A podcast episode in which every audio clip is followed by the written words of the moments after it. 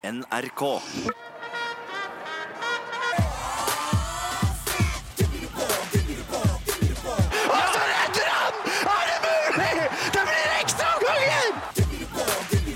Timeout. En håndballpodkast fra NRK Sport. Sikringen har gått! Alt er tomt! NRK Sport.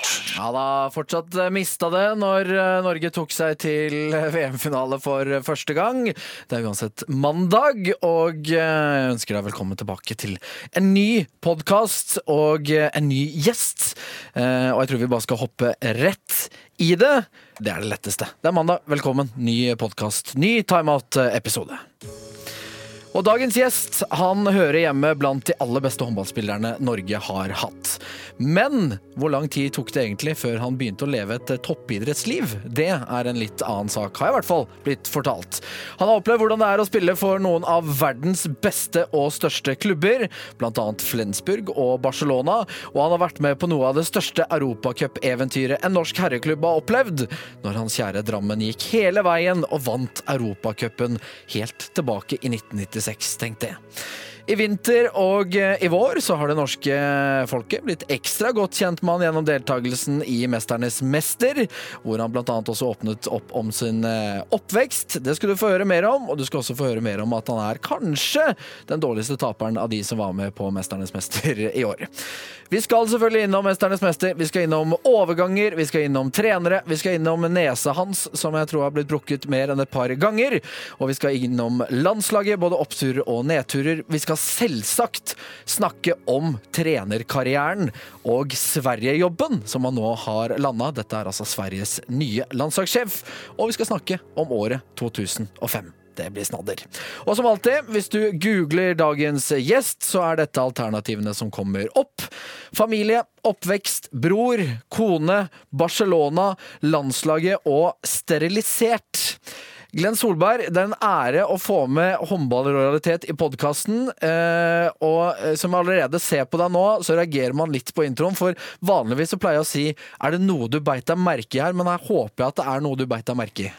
Ja, det må jeg si. Den uh, siste, siste setningen der, hva, hva var det? Ja, altså, du hadde googla meg? Ja, man googler deg. Altså, det er en artikkel fra Gudbrandsdølen fra august 2018, hvor Glenn Solberg valgte å sterilisere seg, men rundt halvparten av menn som har time til inngrep, møter ikke opp til behandling. Det er ikke deg. Det er ikke meg, nei. Det er ikke deg. Men, men det er ganske gøy at noe av det første som dukker opp når man googler Glenn Solberg, er altså denne stakkars eh, karen da, eh, på 40 år oppe i Gudbrandsdølen. Det hadde ikke jeg turt. Nei, men det kan vi bare avskrive nå. Dette, er dette handler ikke om deg. Um, jeg tenkte vi må begynne litt på starten. Jeg var innom det også i introen her, Glenn. Uh, er det riktig å si at du ikke var posterboyen for toppidrett i uh, hva skal vi si, ungdomstida, starten av karrieren? Ja, eh, det var vel egentlig, egentlig litt før det òg, men eh, jeg opplever vel selv at jeg trente veldig mye og var med på veldig mye i ganske tidlig alder. Eh, men eh, ja, det gikk ei kule varmt innimellom. Ja, fordi eh, ofte så skiller vi litt som på en måte mellom treningstalent og talent. De fleste av de jeg har pratet med, både tidligere trenere og andre, beskriver deg som et enormt talent. Eh, er du enig i det? At du på en måte hadde mye for deg eh, i starten av håndballkarrieren? Nå, nå tenker jeg kanskje liksom 15-16-17-års, 18-19-årsalderen. Eh, men at trening var ikke det gøyeste du visste om på det tidspunktet. Jeg veit ikke om jeg er helt enig. Nei, det er ikke det? Nei, altså, fordi En av dine trenere, Kent Tarjei Andersson, har jo fortalt at du bl.a. fant opp en ny måte å løpe Cooper-test på. Ja, det er sant. Men jeg var ikke så glad i å løpe. Nei. Det er sant. Nei. Men Ja, for det er det jeg tenker mer på. Det er liksom på en måte den, der, den ekstrabiten som man må gjøre. Ja, men jeg trente jo ekstra styrke og andre ting, da. Men akkurat det med løping, det, det var jeg skikkelig dårlig på. Så ja, jeg er helt enig i at der burde jeg lagt inn mer arbeid og lagt inn mer trening. Helt klart. Men du fant altså på en ny måte å løpe Cooper-test på. Og Cooper-test er jo denne tolvminutteren hvor man skal løpe rundt og rundt på en bane. Eh, hva er det du gjorde for noe? Nei, eh, det var Ja, det er litt flaut. Men eh, OK, jeg er god på intervaller. Det var ikke mange som, eh, som tok meg igjen på håndballbanen når vi kunne løpe 20 meter, 20 meter og hvile litt og 20 meter. Ja. Så lenge jeg fikk hvile litt. Så da fant jeg ut at kanskje vi skulle gjøre det på, på løpebanen òg. At jeg da løp 200 meter, og så gikk jeg litt. Og så løp jeg 200 meter, så gikk jeg litt. Sånn holdt jeg på da på kubertesten. Ja. Eller som Kent Harry sa, du løp 400 meter, og så gikk du 100. OK. Ja, det var kanskje det det var. Det er så lenge siden. Men uh, ja, det, det kan jo hende at det var den men, men du får ikke Hvordan ble resultatet da? Fordi... Nei, det var vel like dårlig som de andre, andre resultatene på løp. Men Er det spesielt liksom, så, så, typ sommertreninga, da, hvor det skal løpes en del, mm. oppkjøringa, det var kanskje ikke det du var mest fan av? Nei, det var ikke det jeg var mest fan av. Men samtidig så, så utførte jeg det når, øh, på sommeren. Så jeg tok eh, en uke ferie fra trening eh, hver sommer, og så trente jeg resten. Men eh, helt klart, jeg kunne helt sikkert trent det mer. Det Men jeg, jeg, har jo ikke vært veldig mye skada. Jeg har stått over tre kamper på ni år i, i i utlandet, så, så, dårlig trent kan jeg ikke ha vært. Nei, uh, og du har jo gjort noe rett, som du sier. Du har hatt en stor karriere, en av Norges beste spillere. Uh, og vi skal uh, bevege oss litt sånn kategorisk gjennom eh, ditt liv, din håndballkarriere. Men aller først så tar vi for oss en gratulasjon for Glenn Solberg. Du er svensk forbundskaptein. Gratulerer! Tusen hjertelig takk. Hvordan er det å nå skal eh, sørge for at de norske håndballgutta ikke får det gullet som vi så gjerne ønsker å ha? Nei, det føles helt fantastisk. Og eh, blitt valgt til å bli eh, landslagssjef i Sverige. Jeg er utrolig stolt, eh, veldig glad og ikke minst ekstremt motivert. Så det blir veldig spennende. Det er jo litt tid før jeg jeg skal ta over, men, eh, men, det er egentlig bare fint. For da får jeg god tid til å planlegge og forberede meg godt. Så jeg gleder meg. Ja, du tar altså over etter eh, neste mesterskap. Eh, men er du overrasket selv over at du fikk jobben, eller kan du forstå at andre er overrasket over at du fikk jobben? Ja, det er helt sikkert mange som er overrasket over det. Først og fremst er jeg veldig glad og veldig stolt over det. Alltid hatt et godt uh, forhold til svensk håndball og svenske trenere og svenske spillere, så jeg kjenner godt til. og er jo oppvokst, uh, oppvokst med svensk Det kollektive sett å tenke håndball på. og alltid, som spiller selv, vært den som har prøvd å gjøre de ved siden av meg gode, og stått for det kollektivet. Så ja, jeg føler jeg kan identifisere meg med, med Sverige. Mm. Uh, ja, det er et stort grattis, uh, Glenn. Um, uh, er det Altså, dette er jo en av de største jobbene man kan få innen internasjonal herrehåndball. Er det som Glenn Solberg til Sverige, er det som Ole Gunnar Solskjær til Manchester United? Nei, det, det, er vel to forskjellige verdener, håndball og fotball. Men det er nok riktig det du sier, at at det er en stor jobb eh, og en, eh, et eh, fantastisk landslag. Og en av, de, en av de mest spennende landslagene i verden. Og det, det er jo utrolig gøy å få lov å lede etter hvert. Vi skal bevege oss litt videre, og før vi beveger oss inn på, på Drammen og eventyret du var med på der, eh, og, og, landslaget og alt det du har opplevd det, altså, Som en som er håndballglad og håndballinteressert, så spesielt Barcelona-tiden er jeg veldig spent på. Eh, men jeg føler at vi må bevege oss litt sånn, jobbe oss litt kategorisk gjennom eh, helt i starten av din karriere, oppveksten, eh, fordi det virker å ha definert deg en del som, som, person og som menneske. Altså, du vokste opp i Lier med to brødre.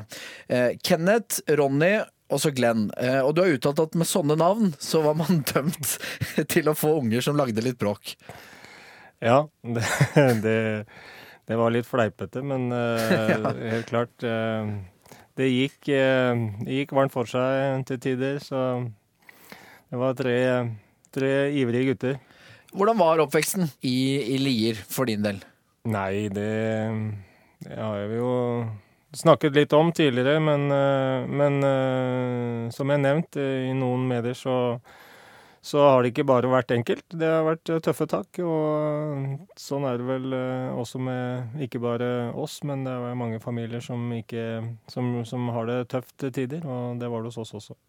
Ja, eh, vi skal ikke, Jeg vet at ikke du vil dvele så veldig mye med det, så vi skal ikke dvele lenge ved det. Men vi, du snakket jo også om det i 'Mesternes mester'. Jeg tror mange ble litt sånn overrasket over på en måte eh, Det kom jo noen overskrifter om at eh, det var en, en altså en, en, liten, en, liten, tyv som sniffa lim og bensin og sånne ting i, i, i oppveksten. Hvordan har det vært å, å dele det i ettertid, eh, om alt som, som skjedde? Nei, det, det, har vært skummelt og vært eh, litt vanskelig til tider, det også. Eh, grunnen til at jeg ønska å dele det, var jo fordi jeg syns det er et viktig budskap. Det med å, at folk eh, ser at det er muligheter, uansett eh, hvilken forutsetning man har. Og at det er viktig å bry seg. At det er viktig å se utover sin egen eh, egen oppgang og eget hus, og, og, se litt rundt seg og ta vare på de barna, ikke minst, som, som vokser opp og som er en del av et samfunn. Det er et godt budskap. Vi, vi skal eh, peile oss litt inn på idretten og eh, hvordan du eh, på en måte ble peilet inn på idretten. Men jeg skjønner også eh, at eh, når du var 13 år, så skjedde noe i familien som definerte veldig eh, et, kan, kan, vi si et skille, på en måte? Mm. Tenkte du på Jeg tenkte på din bror. Ja, når han døde? Nei, jeg, jeg, vil ikke si at det Det var selvfølgelig en tragisk uh, ulykke og, og, ekstremt tøft for, for hele familien når uh, han gikk bort. Uh, men det var vel ikke noe sånn skille, sånn jeg ser det, egentlig. Det, nei.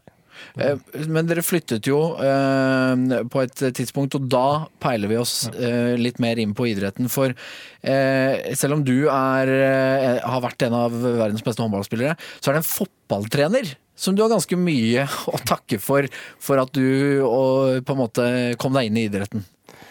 Ja, eh, det var som du nevner her, at vi flyttet fra et miljø til et annet. Eh, og kom i, kom i en skoleklasse hvor det var eh, idrett i fokus og, og masse, masse, flotte mennesker. Så mm, der eh, kom vi i kontakt med, med fotballgutter og håndballgutter. Og da, som elleveåring da, så er det naturlig at man følger kompisene sine.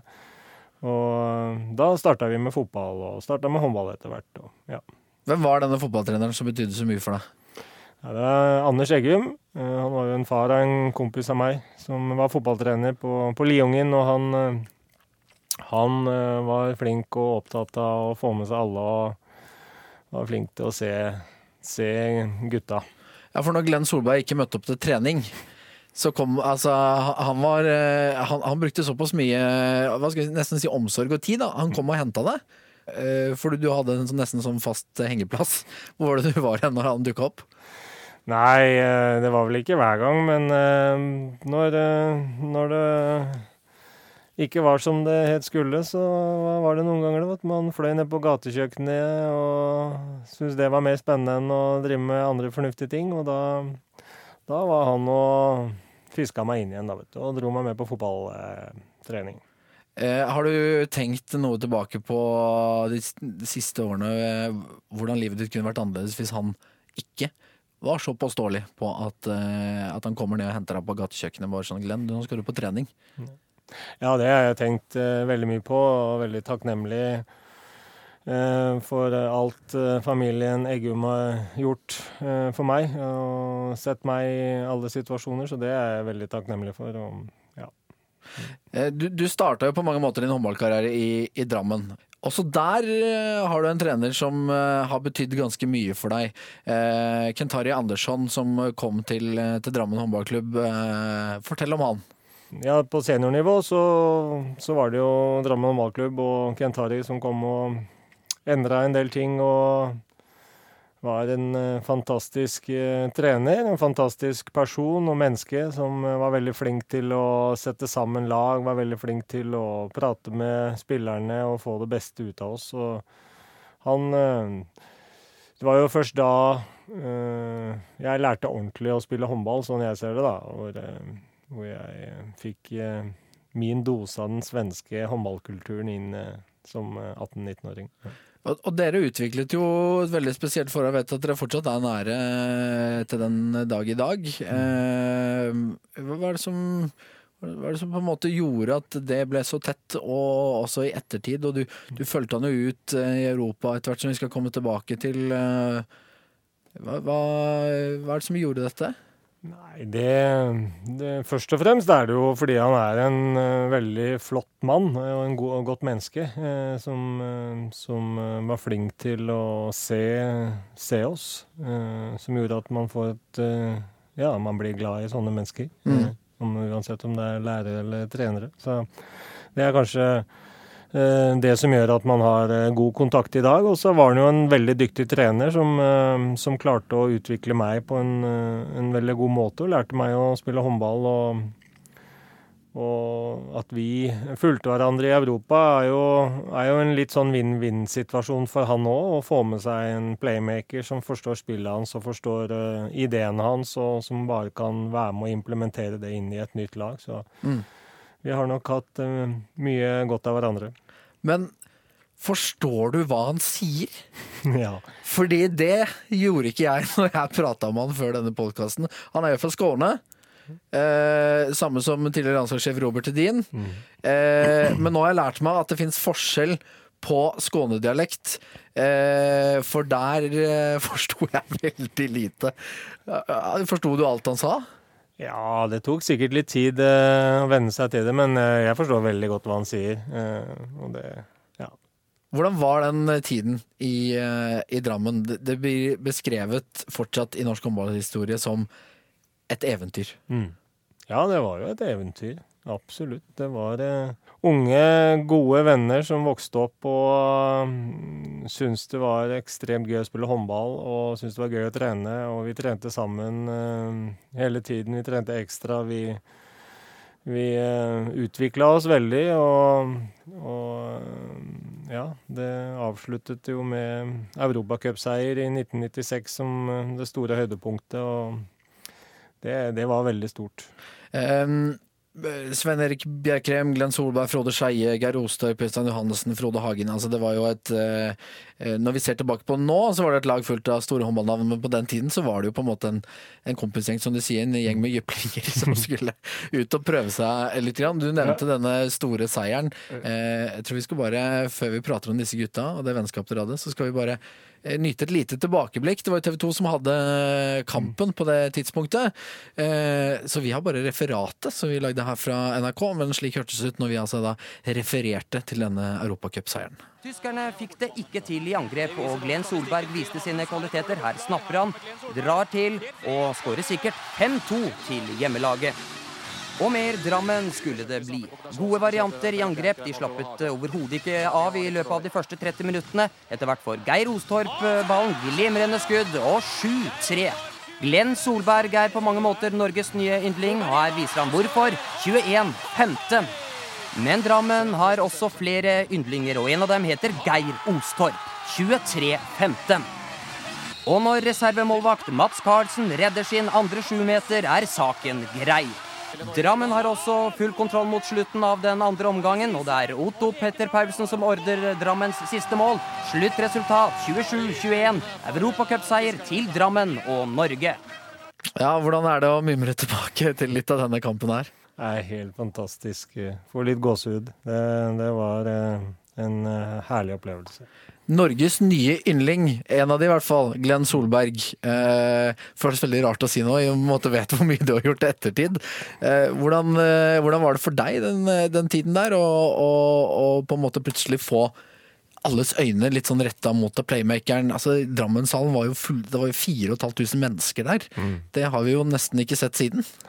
Nei, det er helt sant. Det Nei, eh, hva skal vi si? Jeg, eh, vi levde på en bølge, og vi eh, opplevde ikke at det var noen som At det ikke skjedde ikke noe med noen i det hele tatt. Vi fortsatte å kjøre på, vi fortsatte å trene og ville bare bli bedre og ha det gøy med håndballen. Og hadde vi en god trener da, som, som holdt oss nede eh, hvis det var behov for det. Men eh, jeg opplevde ikke noen problemer. Sånn. Det var bare en eh, fantastisk bølge vi var med på i de fire-fem årene som som Kent hadde oss i DHK. Disse navnene jeg nevnte i stad. Eh, hva, hva, bringer tilbake av minner når du hører disse navnene her? Jeg tenker at det var et uh, vanvittig bra kollektivt. Uh, hvor uh, samhandling og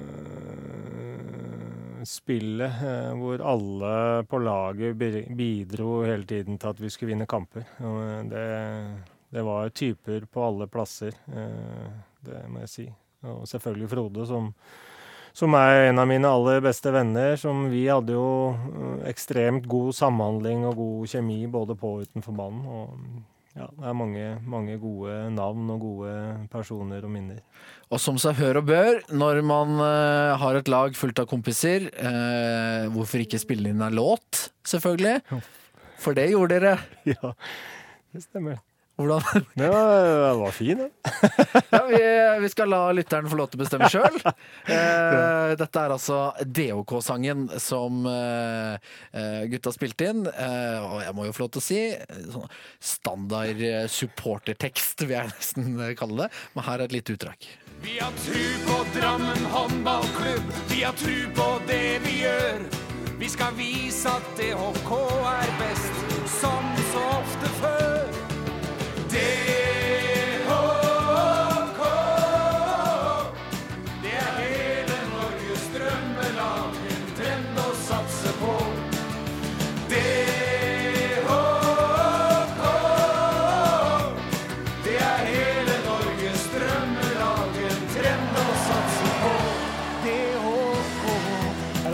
I'm Harry. I'm from Sweden. Var det Kent Harry? Det var Kent Harry til slutt. Hello, I'm Harry. I'm from Sweden. Oh, eh, en, hele Norges håndballklubb, en drøm å satse på. Eh, hvordan, hvordan, var innspillingen der? Jeg har sett musikkvideoen. Det er, eh, det er standard når man spiller inn på den tiden. Hva, altså, hvorfor var det sånn på den tiden at man, man skulle absolutt ha låter? Mm. Nei, du, Det vet jeg ikke, men det var veldig gøy å spille inn. Og når vi feira seire, så, så kom den på høyttaleren, og vi koste oss med den, vi. Eh, så skjedde jo det som nesten måtte skje når lille Drammen hadde vunnet eh, i Europa. Eh, flere spillere og trenere ble jo da ønsket i utlandet. Deriblant deg. Hva skjedde? Nei, vi, eh, når du, som du sier, vi blir jo sett når vi spiller Europacupen, og da, da, blir man jo interessante for andre klubber. Og jeg eh, ble med Kent Harry til, eh, til Northorn, en uh, første Bundesliga-klubb uh, i, uh, ja, helt på grensen til Holland. Mm. I en liten, liten gymsal der nede, og skulle være med å bygge et lag opp igjen. og det var eh, spesielt i starten, men fantastisk reise og en fantastisk opplevelse, det også. Jeg skjønner at selve signeringen med Northorn, den første proffkontrakten du skrev uh, ute på Fornebu et sted hva, uh, Dette er det Kentari som har tipset litt om. Hva, hva, hva, er, hva, er, historien her? Det var ikke glede jeg følte i etterkant, men uh, Hvorfor ikke det? Nei, jeg vet ikke. Det var, det var, sikkert litt skummelt, da, men Ja, Det føltes shady, liksom? Ja. ja. Det var, det. Det var usikkert og utrygt og visste ikke helt hva man gikk til. Og, ja. ja, For denne agenten hadde du da ikke møtt før? Eh, og drar ut dit og egentlig bare signerer på et papir, eh, ut hva jeg forstår Kentari. Ja. Hvordan, var det akkurat det han snakker om? Hvordan var humøret ditt i bilen på vei tilbake til Drammen? Nei, jeg, jeg, kan ikke huske det så godt, men jeg husker, jeg husker den følelsen av etter jeg hadde signert om at nå, nå har jeg gjort noe dumt. Alt var liksom helt usikkert og ja. Det føltes ikke helt riktig der og da, men uh, det viser seg i etterkant at det var en, uh, en god uh, signering og en veldig fin start på min proffkarriere. Og det er jo flere av dere som, som drar dit. Og i Nordtårn så spiller du til slutt i fem sesonger. Hvis noen sier Nordtårn, hva, hva er liksom det første tanken? Hva, hva slags minne sitter du igjen med fra den klubben? Nei, først og fremst så sitter jeg igjen med den, eh, hele den reisen fra å starte i den uh, lille, lille, hallen til, uh, til, å få en ny hall hvor vi hadde 4000 mennesker på hver hjemmekamp og spilte mot Kiel og faktisk til slutt fikk sølvmedalje i, i øverste, øverste, nivå. Så fra å være en uh, medium uh, førstedivisjonslag til å faktisk helt til siste kamp kjempe om gullet. Det, og vært med i Final Four i Tyskland osv. Så, videre. så det, det, er hele reisa som, som var noe egentlig det jeg kan tenke mest tilbake på. Og så eh, gjentar på mange måter historien seg. Eh, Drammen spiller seg altså opp til eh, europatoppen eh, og vinner, og Glenn eh, blir eh, poppis og forsvinner. det var ikke meningen at det skulle rime, faktisk, men jeg er fornøyd med den. og så i Northorn, så som du sier, spiller dere opp til å være blant de beste lagene i Bundesliga. Og igjen så blir du da poppis for en enda større klubb igjen, og da går turen til, til Barcelona. Mm. Til selveste eh, Barcelona. Hvordan var livet annerledes i en sånn klubb? Altså, Fikk man være stjerne? Har du noen gang på en måte Har du noen sånn spesielle episoder du husker tilbake og tenker her var jeg stor, eller her var, her var vi store? Ja, nå jo, er jo fotballen og basketen uh, veldig mye større enn håndballen der. Men uh, det er klart at når du går ut på noe kamp og løfter europacuptrofeet foran uh, 80 000-90 000 mennesker og blir hylla av dem etter at vi vant Europacupen, det, det, det er kult. Det sitter igjen, det. Det er kult, det. For jeg forstår at dere hadde litt sånn tett uh, samarbeidaktig med, med, fotballklubben, så man møtte en del av disse store fotballspillerne som var på den tiden, og hang en del og gjorde en del ting sammen. Vi hadde i hvert fall eh, noen sånne avslutninger, juletilstelninger osv. Med, med alle fotballen og, og basketen eh, der. Og vi hadde jo egne egne kort på noe kamp og fikk se alle hjemmekamper på de beste plassene. Og brukte jo de samme medisinske apparatet som, som fotballspillerne gjorde. Og ja, det, det, det var en uh, heftig tid. Hvem, hvem, var de største stjernene på det fotballaget som var der da? Uh, Ronaldinho spilte. Iniesta kom jo forsiktig på den tiden, så det var noen uh, ja, det var jo helt uh, vilt, egentlig. Så du, du, har, uh, du, har, hatt en sånn liten julefest med Ronaldinho? Jeg har faktisk det. Og på den julefesten så Så var jeg like Var jeg veldig Jeg hadde veldig lyst til å gå bort og ta bilde, men jeg turte ikke. Og det angrer jeg på i dag. Ja, det, det skjønner jeg. Ja. Men hvordan var altså Fikk du prata noe med han eller Niesta eller noen av de andre store? Nei. Vi jo, gjorde ikke det. Vi, vi hadde uh, god, god, kontakt i, i laget og kan ikke huske at jeg var så veldig pågående på fotballspillerne. Men eh, dere var jo også store stjerner som håndballspillere. altså Barcelona er en av de beste klubbene i verden. Uh, hvordan opplevde du det livet du hadde nede i Barcelona? Det er et fantastisk godt liv. Uh, spanjolene er jo opptatt av, uh, av mat, de er opptatt av drikke, de er opptatt av familien, de er opptatt av venner. mye mindre materialistiske enn kanskje vi er.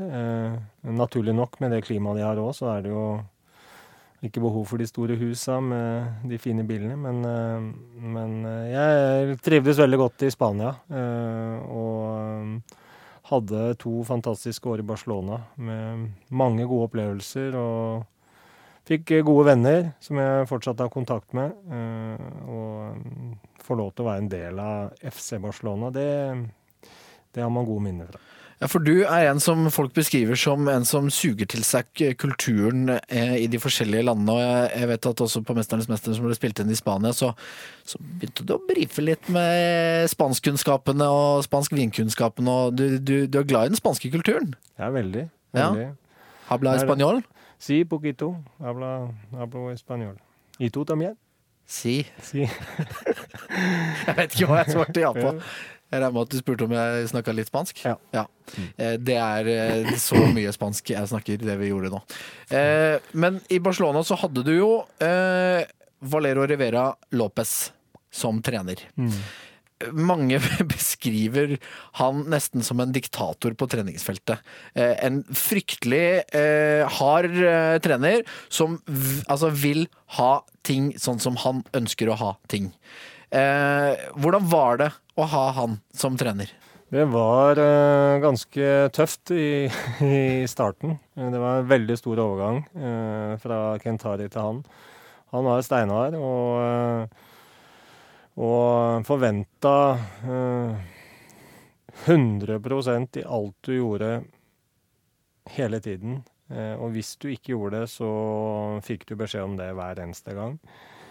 Uh, ja, og I tillegg så, så, er det jo spansk temperament, så det er klart at det uh, går ei kule varmt der også når, uh, når, ting ikke er på plass. Så det var en, det var en stor overgang.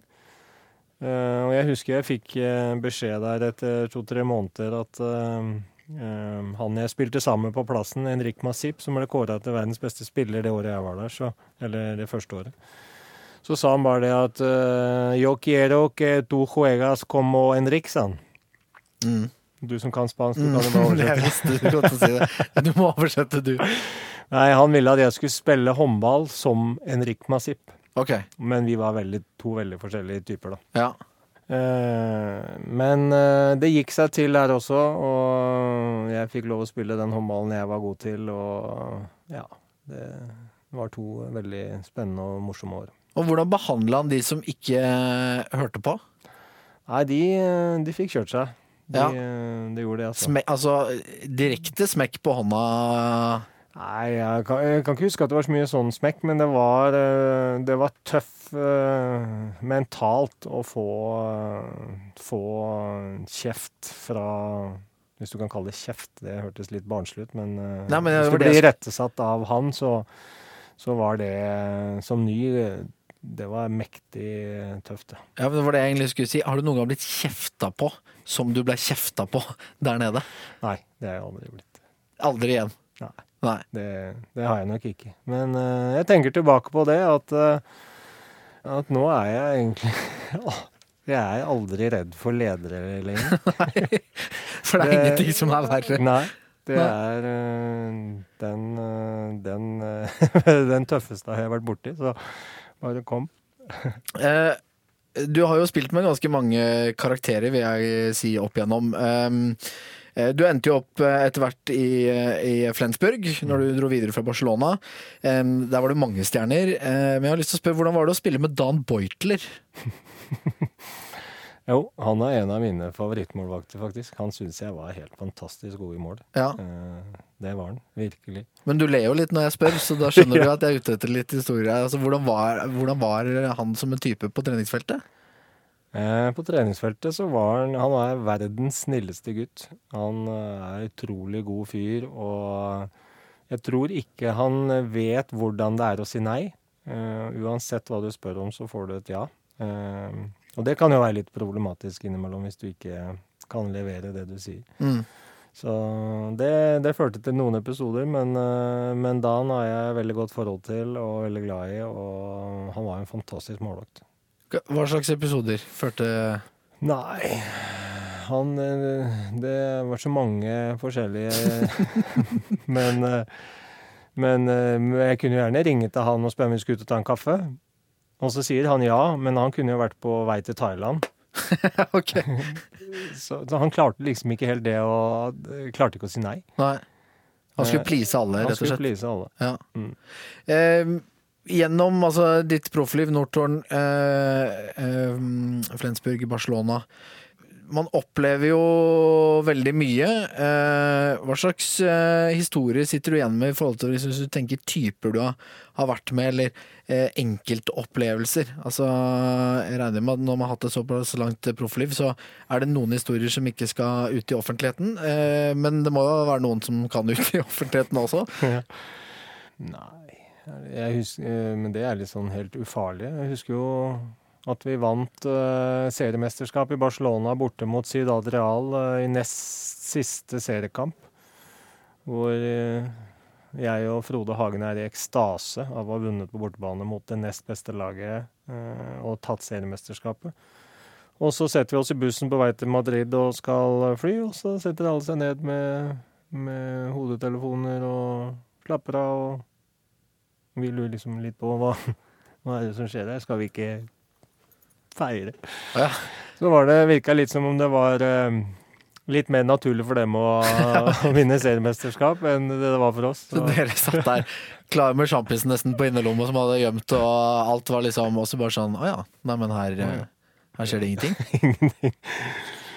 Nei. vi fikk en god fest når vi kom hjem, da. Eh, vi skal snart inn på 'Mesternes mester', men jeg, altså, mens vi er inne på historier, da, så forstår jeg jo at uh, i 'Mesternes mester', under innspilling der, uh, så hadde du en historie som du fortalte om Frode Hagen. Som du måtte fortelle syv ganger. Uh, tydeligvis under opptaket der. hva skjedde under det opptaket der, og hvilken historie er dette? Ja, Hvis jeg ikke husker feil, så var det den, den gangen Vi har jo ligget på rom en del ganger, da. Mm.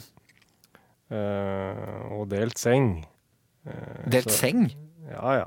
Det er jo ikke alltid du får enkeltsenger. Det er jo mest ofte at, du, at vi ligger, og, ligger i samme lille dobbeltsenga. Så, ja, okay, ja. så det har ikke vi hatt noe problem med. Selvfølgelig ikke. Uh, men det var en gang i Sverige, husker jeg, hvor, hvor jeg våkner opp. Da har jeg sikkert vært veldig lenge unna min bedre halvdel. Så da våkner jeg opp, og så legger jeg meg over til Frode, og så kysser jeg han veldig ømt og fint på, på, armen på armen, og han våkner opp og blir livredd. Så, så da tenker jeg at da, da har vi ligget uh, enten veldig ofte sammen, eller så uh, savner jeg noen der hjemme. Ja, det, ja, for det er enten eller. Enten nå så har jeg vært for mye sammen med Frode Hagen, ja. eller så har jeg vært for lite sammen med fruen. Mm. Ja. NRK Sport. Straks altså landslaget, men uh, vi avslutter uh, litt sånn uh, proffkarrieren din først, og tar litt Mesternes mester. For etter Flensburg-tiden så dro du hjem til Drammen. Mm. Men da hadde du jo andre lukrative tilbud. jeg skjønner at du blant annet hadde tilbud for Kiel. Og sesongen etter så tok Kiel tre titler. Angrer du på at du dro hjem til Drammen? Ja, det er faktisk en av de tinga jeg angrer veldig på. Eh, det var vel etter et halvt år hjemme hvor jeg både fikk tilbud av Barcelona og Kiel og, og Hamburg, eh, og takka nei til det. Eh, jeg burde og spilt noen år til ute. Jeg var god nok. og hadde jeg trent litt annerledes og litt mer skånsomt, så hadde jeg helt klart holdt tre år til ute. Og det, det angrer jeg skikkelig på. Det får jeg litt vondt i magen av når jeg tenker på den dag i dag. Hvorfor det? Jo, når eh, Barcelona og Kiel og Hamburg på den tiden eh, syns du er god nok og ønsker dine tjenester, så, og du ikke skjønner det sjøl, at det er lurt mm. Den jobben eh, Hvor gammel var du da, når du hadde vendt hjem? Nei, det var i 2006, vel. Så jeg var 34. Mm. Mm, 4-35, ja. Uh, og det er jo litt sånn Jeg hadde, hadde, litt i hodet at jeg måtte hjem og begynne å jobbe på, på ordentlig. Mm. Eh, og det, det, var litt tidlig. Eh, jeg kunne venta med det i noen år, da. Mm. Selv om den tiden jeg fikk var veldig god og helt sikkert veldig lærerik også i næringslivet. Men den kunne venta to-tre år til. Og så var det 'Mesternes mester' etter karrieren. Eh, er du stolt av det du fikk til der også? Veldig stolt av de eh, statiske øvelsene på 'Mesternes mester'. Det er kanskje det jeg ja, For der var du ikke god? Der var jeg skikkelig dårlig. Eh, det, det, var litt flaut, men ja, jeg syns jeg kom meg ganske greit ut av det etter hvert. da. Jeg fikk ja. en dårlig start, og så hang jeg med og og kom meg, syns jeg, veldig godt ut av det til slutt. Det, det syns jeg. Du kom til eh, semifinalen, mm. øh, øh, men på det tidspunktet så var du ifølge Ole Martin Årst øh, så sliten og så lysten på en seiltur at du vurderte å trekke deg. sier han det? Han sier det. Ja, ja. Ja, det Jeg kan innrømme at jeg var veldig sliten. Eh, så absolutt. Eh, jeg ville vel ikke trukket meg. Jeg hadde vel lyst til å komme til semifinalen, jeg òg. Eh, selv om man nå i etterkant ser at hadde jeg kommet til en semifinale, så hadde jeg jo ligget flere døgn etter de to andre når det var disse tre statiske øvelsene i, i semien. Så det, det, var jo egentlig bare Guds lykke. Og så hadde du rukket en eller annen seiltur? Ja, det, jeg rakk dessverre ikke den seilturen. Eh, men, eh, men, eh, jeg var så vidt at jeg hoppa utpå der når jeg så båten. Men jeg fikk meg i hvert fall et veldig godt gjensyn med den gjengen som, som hadde blitt slått ut, og vi fikk oss en veldig, veldig god middag med mye god mat og godt drikke. Ja. Og så kommer neste spørsmål. Er du 'Mesternes mester' eh, eh, årets deltakeres dårligste tapper? Mm, nei, jeg veit ikke. Jeg tror det er mange dårlige tapere der, altså. Men uh, jeg er skikkelig dårlig taper. Ja. Jeg er enig i det. Hvordan da? Jeg blir sur. ja, det, men det blir alle. jeg blir sur og furten og ja, fy faen. Nei, jeg er ingen god, god uh, taper. Har du hørt noe? ja, altså Her prøver jeg bare å lokke deg utpå, for jeg har ikke en historie. Du har ikke noen historie, nei? nei eh, som sagt, min hukommelse er dårlig.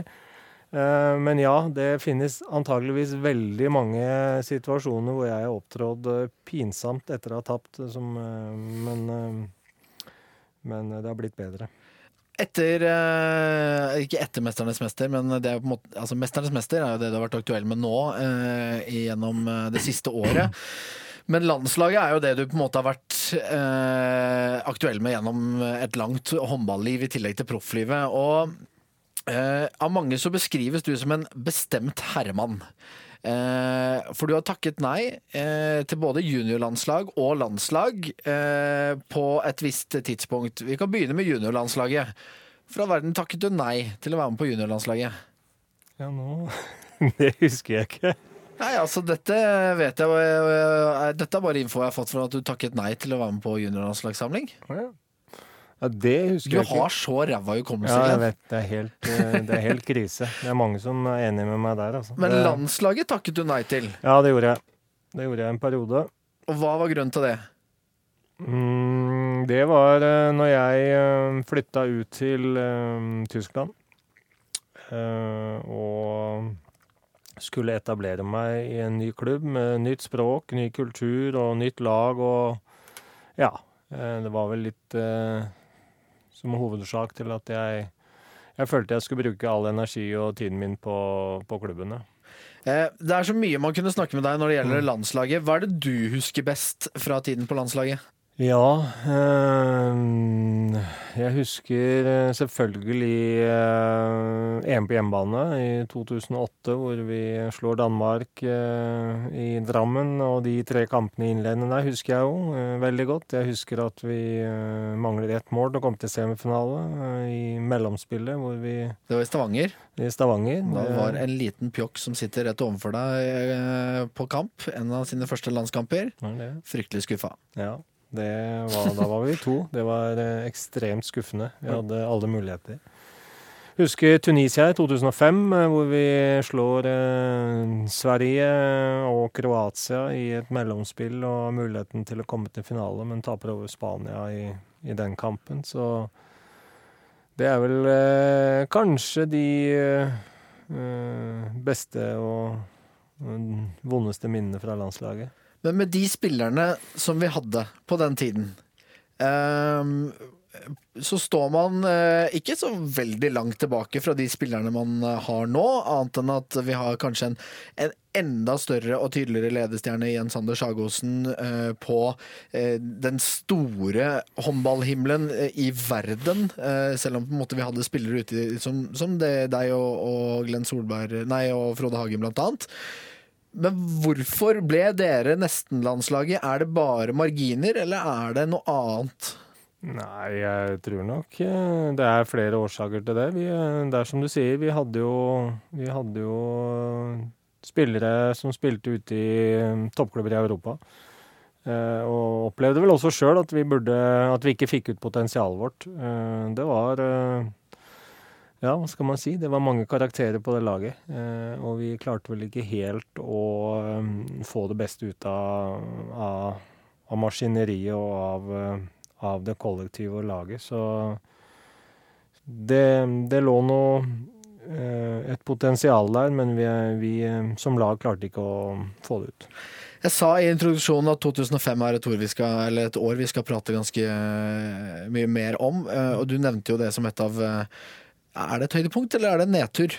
Nei, jeg opplevde det som en høydepunkt. Absolutt. Et, eh, et lite gjennombrudd for vår del. At vi slår eh, to store nasjoner i en, i et mesterskap. Så det Ja, så spiller uavgjort mot Tyskland, og så slår man da i hovedrunden Sverige og Kroatia. Eh, og jeg vet at eh, det du uttalte da, var at det var nesten Det føltes som å være med i en science fiction-film.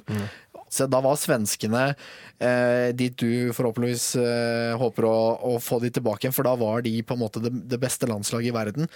Eh, hva husker du av følelsene etter de kampene der? Jeg vet at du, du ble ganske rørt, faktisk, etter eh, i intervjuene her. Ja, det er helt eh, Det er sånn jeg husker det òg. At det var eh, veldig, veldig stort. Å vinne mot de store nasjonene i et mesterskap, det Uten at jeg har sånn veldig god historie, så, så har man har ikke Norge gjort det mange ganger. Eh, Så det, det, det var veldig stort, og måten vi gjorde det på òg. Sverige har jo vært, eh, vært en eh, stor nasjon i mange år, så det var, det var en kjempeopplevelse. Og så ble det jo liksom, så balla det på seg med Kroatia, og det ble liksom en sånn ordentlig bølge. Og så, og så står man der, og så skal man slå Spania for å ta seg til en historisk VM-semifinale. Mm. Hva skjer? Nei, vi møtte vel et lag som vinner VM senere, og var, eh, var eh, bedre enn oss. eh, Og vi, vi var ikke på det nivået der som, som landslag som, som Spania var på den tiden. Det var vi ikke. Og så- vi, Og så har jeg gjort researchen min, Glenn, for 2005 var også et, et godt år for deg på, en, på andre måter. I 2005 så blir altså Glenn Solberg kåra til Norges mest sexy håndballspiller. Oi. Ja, øh, det skal vi godt gå videre med. ja, jeg blei det, ja. Ja, Så hyggelig. Det visste jeg ikke at eh, den tittelen hadde. Da en tittel til. Er er det en tittel du husker med, eller du tar med deg med glede? Ja, hvorfor ikke? Hyggelig, det. Ja. 2005 kåret til Norges mest sexy håndballspiller. Er det før eller etter eh, du begynte å brekke nesa? Så tar han seg til nesa med en gang. Hvor mange ganger først og fremst har du brukket nesa? Eh, ingen? Ingen? Ser det sånn ut? Eh, det er eh, samtlige som på en måte jeg har prata med, har sagt spør han om brukket nese. Jeg kan ikke finne noen saker hvor du har brukket nese, men ja, det er noe, tydeligvis en, en felles oppfattelse om okay. at det ser ut som du har brukket nesa. Ja. Det må være fordi at nesen min er litt stor. Men det er ikke første gang du har hørt dette. Nei, jeg har blitt mobba fælt, eh, spesielt i Flensburg. Da Lars og Søren de, eh, de tulla fælt med den nesa. Ja. Kalte meg eh, Jeg husker ikke hva han het, en Kafatos eller noe sånt. En greker. Kalte deg hva? Kalte deg greker? Ja, det var en eller annen gresk målvakt som hadde et godt nesegrev, som de da hadde kallenavn på meg, da. Men nå begynner du å fikle med ting hvis du gjør dette deg utilpass. Nei, egentlig ikke. For det er, dette, er, dette er liksom den derre banteren fra landslagskompiser. Er det det? Jeg føler jeg, ja, Ikke vær så over... Nå føler Ja, men jeg det er ingen. De har jo ikke turt å si det til meg. Nei, de, de går via meg, Ja. og så blir jeg den store stygge ulven. Nei, nei, det, nei jeg, jeg er vant med, vant med å bli, bli kommentert på, på nesa. Jeg er det. Eh, Barna mine også. De er redd for å få den. De er redd for å få, ja, de er redd for å få samme nese som pappa. Ja. Men da kan du i hvert fall leve godt med da, og huske tilbake at i 2005 da var det ingen som tenkte på nesa. Da var jeg Norges mest sexy håndballspiller. Det, er- det er ikke dårlig. Det, nesa viser karakterer, vet du. Du, da skal vi uh, hoppe fra nese og uh, sexykåring, holdt jeg på å si, til uh, min håndballfamilie. Uh, hvor du har eh, plukket ut noen kvaliteter som vi skal eh, finne fram. Eh, så vi skal eh, straks eh, ta for oss min håndballfamilie.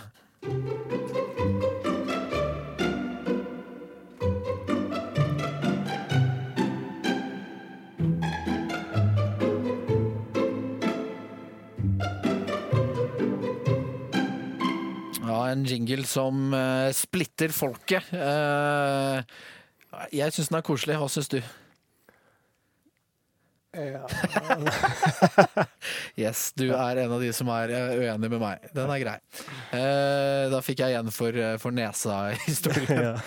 Som alltid så handler det om dette afrikanske ordtaket, som jeg har eh, husket fra barndommen, jeg vet ikke, men eh, hvor det sies at eh, det kreves en landsby for å oppdra et barn, og sånn tenker jeg at det er igjen eh, for en håndballspiller også. Skal man bli best mulig selv, så må man ha folk med gode kvaliteter rundt seg for å fungere i et lag.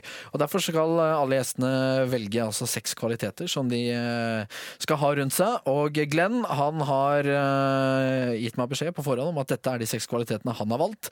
Han har valgt å ta med seg den snille, den morsomme, eh, krigeren, den lojale, lederen og luringen inn på sitt lag. Eh, og Da skal vi pare det med en håndballspiller. Vi kan begynne med den snille. Hvem er det du eh, har valgt å ta med som eh, det du også karakteriserte som den omsorgsfulle? Jeg har nesten eh, Jeg har to der, men jeg, jeg velger Frode Hagen. Ok? Altså ler du etterpå? Ja. Er han ikke snill og omsorgsfull? Jo, han er veldig snill og veldig omsorgsfull eh, gutt. Eh, som jeg er veldig glad i. Eh, så det sto mellom han og Andrej Chepkin i Barcelona. Eh, men eh, Frode er jo en av mine beste venner, så da, da trumfer jeg gjennom han. Ja, for ditt forhold til Frode Hagen det er det nærmeste vi kommer en eh, bromance, føler jeg. Ja, ja vi, er, eh, vi er gode venner. Ja. eh, Frode Hagen inne, ikke en dårlig håndballspiller heller. Eh, da skal vi ha inn den, eh, den morsomme. Eh, hva slags karakter er det du husker her? Eh, De to danske kantene jeg spilte med i Flensburg, eh, Lars og Søren Stryger, så jeg har valgt Stryger. Han, han er en veldig morsom fyr, eh, og ganske frekk. Eh, og litt, sånn, litt sånn frekk humor. Veldig. Ja. Og Er det noen episoder du husker derfra fra han? At, eh, Nei, det var hele tiden. Eh, det var kommentarer hele tiden Ja. om eh, alt. Klær, nese nese. ja, så det er ikke bare meg. Nei, nei. Nei. Overhodet ikke. Nei. Det, du, du er i godt uh, selskap. Ok, men stryker skal inn der. Uh, så har du krigeren, og uh, du har jo spilt opp igjennom eh, både folk på klubblaget og landslaget som jeg ville satt i den kategorien. Så det er spennende å høre hvem, hvem du har putta inn der. ja, vi får jo være litt patrioter, så jeg har putta inn Jonny Jensen. Ja. Uh, han har vel blitt beskrevet av andre som har vært Håvard Tveten har jo vært gjest i denne pod podkasten blant annet, hvor han sier det at når han fikk beskjed av og til av deg da, om å løpe kantovergang, uh, og han visste at uh, Jonny Jensen sto i det midtforsvaret der, uh, så var han nesten sånn, jeg ville si, kjør noe annet. Ja. Han visste at det kom til å gjøre vondt. Ja. Hvordan er din opplevelse med Jonny Jensen? Eh, jeg, min opplevelse er at Jonny eh, var en uh, taktisk, teknisk uh, og fair forsvarsspiller. En fantastisk fighter og kriger på hver eneste trening, hver eneste dag, hver eneste minutt og hver eneste måned. Så um, han setter standarden, og han er en, en god kriger som jeg ville tatt med meg i, i krigen hvis jeg skulle valgt det. Eh, da skal vi ha inn den lojale. Ja. eh, som er eh, neste kvalitet Mm. du har tatt med deg. Ja, da er det lov å velge fra øverste hylle. eller? Ja, absolutt. Hvor som helst, når som Ja, helst. Da velger jeg Tobias Karlsson. Ok. Og han er det sikkert mange, i hvert fall av de unge, som kanskje ikke helt vet hvem er, så du må forklare litt. Ja, nei, Han kaptein, har vært kaptein på det svenske landslaget tidligere, og nå kaptein på Flensburg. Forsvarssjef. En fantastisk øh, person og menneske øh, som, øh, som er utrolig profesjonell og lojal til laget sitt og treneren sin og det som blir sagt og skal gjøres. Så, fantastisk forsvarsspiller. Det er en viktig egenskap i et lag. Eh, Da er Tobias Karlsson inne. Da skal vi ha ledertypen. Vi skal ha mannen med lederkvalitetene. Ja, Det må bli Stefan Løvgren. Ja. Også eh, en svensk legende. Du har liksom forkjærlighet for, eh, for Sverige og svensk håndball, både med Kent Ari Andersson som trener, og i hvert fall to av disse inne her. Du, du har sett mye mot Sverige? Ja, eh, jeg har det. Jeg er jo oppvokst med svensk håndball og svensk trener, så, så har jeg jo spilt mot Løvgren i alle år. Som en, ekstremt god leder. Både på og utenfor banen i garderoben. Så han, eh, han, husker jeg veldig godt som en, en, en stor leder. En stor person. Det begynner å se ganske bra ut, dette laget nå. Med Løvgren, med Stryker, med Jonny Jensen, med Tobias Karlsson, med Frode Hagen. Eh, da gjenstår det bare en kvalitet som vi skal ha inn. Eh, det er luringen. Ja. Det er Carlos Ortega. Ok. Mm. Ja. Han er i dag trener i Hannover og var høyrekant i, i Barcelona. Og luringen, hvorfor det? Nei, han Han har glimt i øyet. Han, han, hadde kanskje ikke de beste forutsetningene sånn fysisk, men var ekstremt smart på banen. Uh, og fikk, uh, fikk uh, Han spilte jo Barcelona, så han mm. vant jo fem-seks Champions League, så han ble med på mye. Og, og, var en veldig god høyrekant som var smart. og så har han glimt i øyet og er en liten uh, luring. Uh, og da har du seks spillere inne på laget ditt. Uh, det er jo syv på et håndballag, så den syvende er jo selvfølgelig deg, som skal inn på Eh, på dette laget. Eh, av de kvalitetene du tar med deg, er det jeg som bringer inn. Eh, og jeg har skrevet at du tar med deg en, en ekstrem sånn slepen teknikk. Du tar med deg en spilleforståelse og et håndballhode som jeg ikke tror veldig mange andre kan matche. Jeg har også skrevet lojal mot både klubber og spillere, og det ser man jo også at du ofte har spilt med de samme typene og dratt med deg de samme trenerne, altså en lojal type. Og så visste jeg det på forhånd forhånd, men har jo virkelig fått uh, bekreftet i denne podkasten. Du tar også med deg en ræva hukommelse, og det, det, får du bare tåle, rett og slett. Ja. For det er sjelden at noen husker så lite fra profflivet sitt som det du gjør. Uh, men uansett så skal du inn på dette laget, og da, um, da, er laget komplett, men vi trenger en trener. Du kan jo få lov til å velge deg selv, men du kan også få lov til å velge en annen trener. Skal man velge, da, ja, da må det jo nesten bli eh, Kent Harry, da. Kent Harry Andersson. Ja. Som, Syns han fortjener det. Ja, og Klarer han å holde styr på disse gutta? Eh, skal vi se. Eh, ja, det klarer han. Dette er mye skandinavere og mye lojale gutter som eh, vet hva som skal til, og som er eh, har skjønt uh, gamet. Så det, det, klarer han fint. Da har han meg som en utstrakt hånd, så det skal gå bra. Ja. Og så ikke minst Løvgren. Ja, ikke sant. Eh, og da er alt komplett. så trenger vi bare et uh, lagnavn. Ja. Eh, hva er det du har satt som et lagnavn her? Um, det syns jeg var litt vanskelig. Ja. Jeg trenger litt hjelp, egentlig. Men det er uh, Jeg prøvde å finne noe kult, da. Det kollektive maskineriet, liksom. Men uh, det er jo laget med stor M, A-team, som A-team er jo fint, da. Ja, ja. ja. A-team er fint. Ja. Eh, det kollektive maskineriet blir litt langt, ja, selv om det blir DKM og ikke er så langt unna DOK. Mm. Eh, A-Team liker jeg. Ja. ja. vi beholder den. Vi kan ta det. Eh, da er vi ved veis ende, Glenn. Mm. på det lille du husker, er det, var det hyggelig å mimre tilbake? ja, jeg syns det. Vi har snakka i flere timer, vi nå. Ja. Så Beklager hukommelsen. Eh, det får jeg ikke gjort noe med, men eh, det har vært veldig hyggelig. Og veldig koselig å mimre litt tilbake og tenke litt over det som har skjedd. Det er alltid godt. Og så får vi bare ønske lykke til som eh, svensk forbundskapten. Mm. Jeg pleier alltid å avslutte med å spørre om gjesten har noen spesiell måte man sier ha det på. Nei, jeg Nei? Hasta luego. Ha, ja, det hadde du da likevel, da. Mm. Hasta luego, sier vi da. Og så høres vi igjen eh, om en uke. Da er det ny gjest, ny podkast. Eh, og for å avslutte denne uken, eh, siden eh, Glenn Solberg eh, har blitt eh, litt sånn Judas og gått over til de andre, så avslutter vi med høydepunktet fra Et av høydepunktene fra forrige VM. Norge slo Sverige i VM eh, i Danmark, så får vi se om Glenn eh, Solberg får gjort noe med det. Vi høres igjen om en eh, uke. Sagosen går til. Så kan også den finne seg hele veien igjen og inn ballen til Ablevik Rød. Nå blir vi litt defensive, nå blir vi litt redde. Armen kommer for passivt. Sagosen, skal du gjøre det? Finter deg gjennom. Setter den i mål! Sander Sagosen! Den trengte vi nå! Sagosen går til, spiller videre til O'Sullivan. Underarm! Den sitter for Christian O'Sullivan! Denne er så viktig, Magnus Jøndal. Finter en gang, og så setter han den i mål! Mellom bena på Andreas Palisjka. Og Norge er foran med tre. Det blir for lang tid. Norge vinner. Norge slår eh, Sverige med 30-27. Spørsmålet er om det er nok.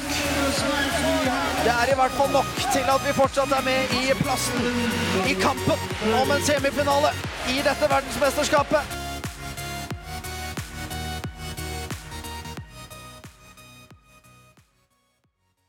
NRK Sport.